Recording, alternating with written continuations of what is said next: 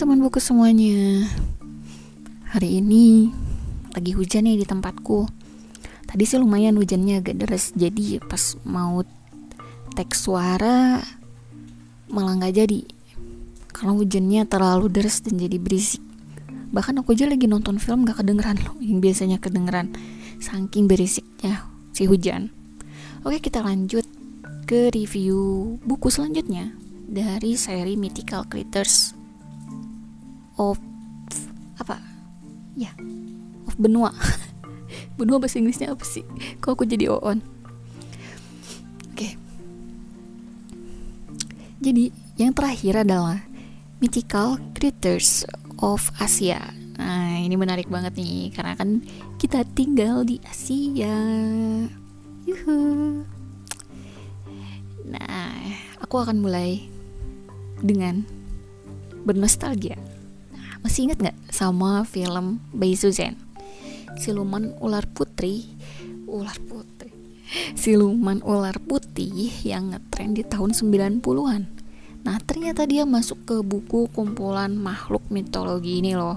Ya jelas lah ya, karena Bayi Susan itu kan dari mm, Tiongkok. Cuman yang memang aku nggak apa ya nggak ngehnya itu. Karena kan Mbak Susan kan digambarkannya tuh perempuan cantik gitu kan. Ya tapi sebenarnya kan siluman ular ya jadi masuknya ke monster. Iya sih. Oke. Okay.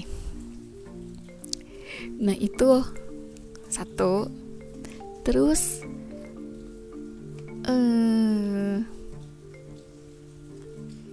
apa ya ada lagi? Ini tuh ada barong randa. Tuh dari Bali. Tuyul genderuwo banaspati kuntilanak dari Jawa.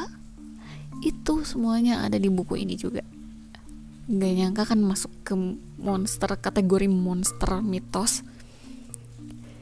Aku sih ya nyangkanya ya hantu aja gitu kan. Tapi ternyata masuk ke kategori monster mitos. Terus nih yang penyuka Naruto nih pasti tahu nih Orochimaru sama Kyuubi. Nah ini juga ada nih di sini. Kalau Orochimaru kan dia ular berek berkepala sembilan. Tapi kalau Kyuubi itu ekornya sembilan, rubah ekor sembilan. Ini juga ada di sini. Orochimaru sama Kyuubi memang dari Jepang. Terus ada juga lambang negara nih kalau lambang negara kita Garuda dong. Nah, Garuda juga masuk nih ke kategori monster mitologi. Terus ada juga naga terbang. Naga terbang kan biasa dari Tiongkok ya.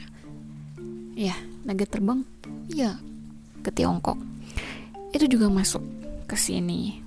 Aduh, emang bener-bener nih kalau disebutin satu-satu tuh banyak banget. Oke, aku mau lanjut ke covernya. Nah kalau dari covernya sih,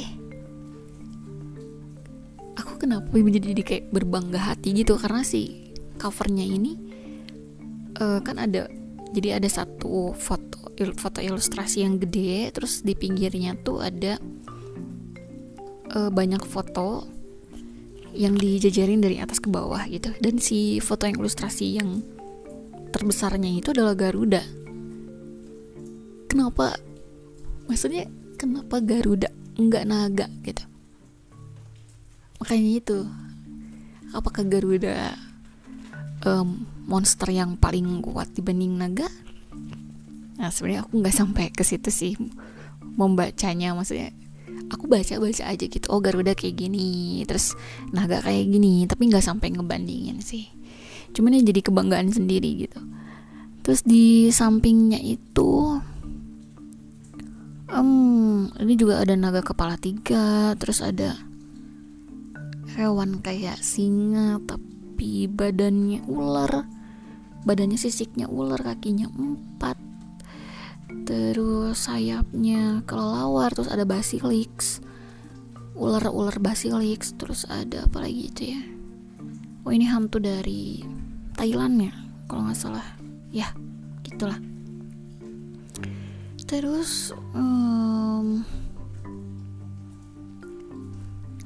kalau isinya sih sebenarnya sama ya bagian-bagiannya. Jadi kayak ada uh, ilustrasi awal terus ada cerita mitosnya ada nama lainnya terus ada apa itu namanya adaptasi ke novel atau filmnya ini juga yang di Asia juga banyak sih. Banyak yang diadaptasi ke anime sebenarnya. Sama drama. Kalau Garuda emang Garuda pernah di film juga. Kalau hantu hantunya Indonesia ya udah jelas lah itu mah ya. Terus kalau soal mitologi penciptaan langit dan bumi, nah kebetulan kan memang di setiap benua tuh pasti ada mit mitologi atau cerita mitos tentang penciptaan langit dan buminya. Kalau Asia punya kisah Mahabharata.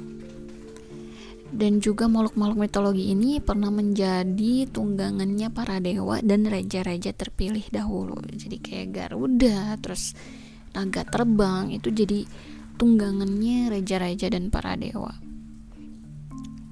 kalau makhluk favorit di sini banyak banget sih. Gak bisa disebutin satu-satu termasuk yang tadi udah aku sebutin di awal-awal.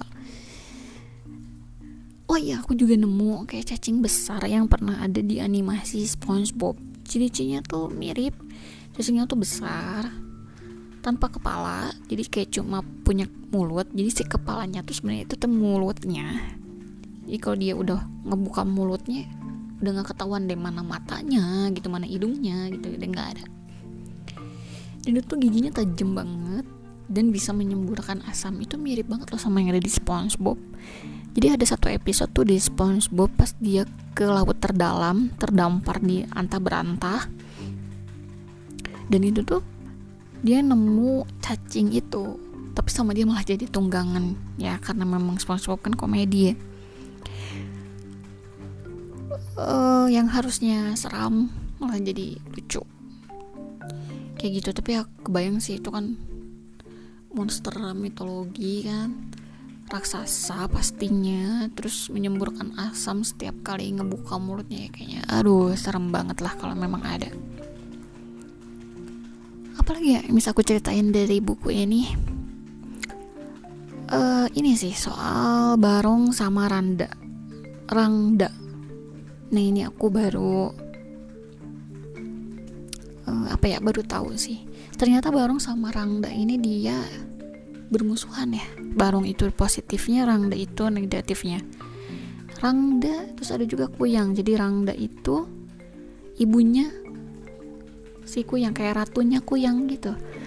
Aku juga baru tahu karena mungkin karena karena aku nggak begitu apa ya mendalami mitosnya orang Bali jadi baru tahu gitu dan yang aneh kok tuyul. Genderuwo banaspati sama kuntilanak kok. Jadi monster ya? Ya ya aneh sih. Ya mungkin karena si ya kenapa ya jadi monster kok jadi aneh? Mungkin karena ini penulisnya orang bule jadi ya kebanyakan ngedengernya kayak gitu ya ditulisnya kayak gitu kali ya dan yang lebih anehnya lagi si Banaspati di sini kalau misalkan kita tahu kan dia cuma kepala doang kan. Tapi kalau ini dia digambarinnya ada kakinya ada badannya. Jadi kayak manusia tapi hmm, dia menyala-nyala gitu. Terus dia bisa merangkak. Itu jalannya merangkak kayak gitu. Nah kalau kuntilanak dia disamain sama white lady ya sebenarnya sama sih wanita yang bergaun putih gitu kan. Cuman ya nama kerennya lah white lady. Oke paling kayak gitu aja tentang buku Mythical Creatures of Asia.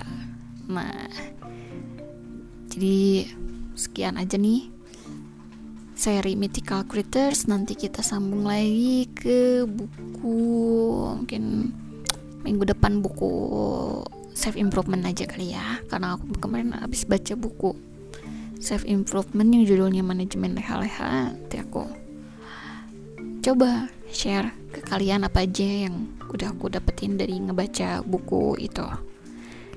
Oke paling kayak gitu aja. Thank you banget yang udah dengerin. Sampai jumpa di episode selanjutnya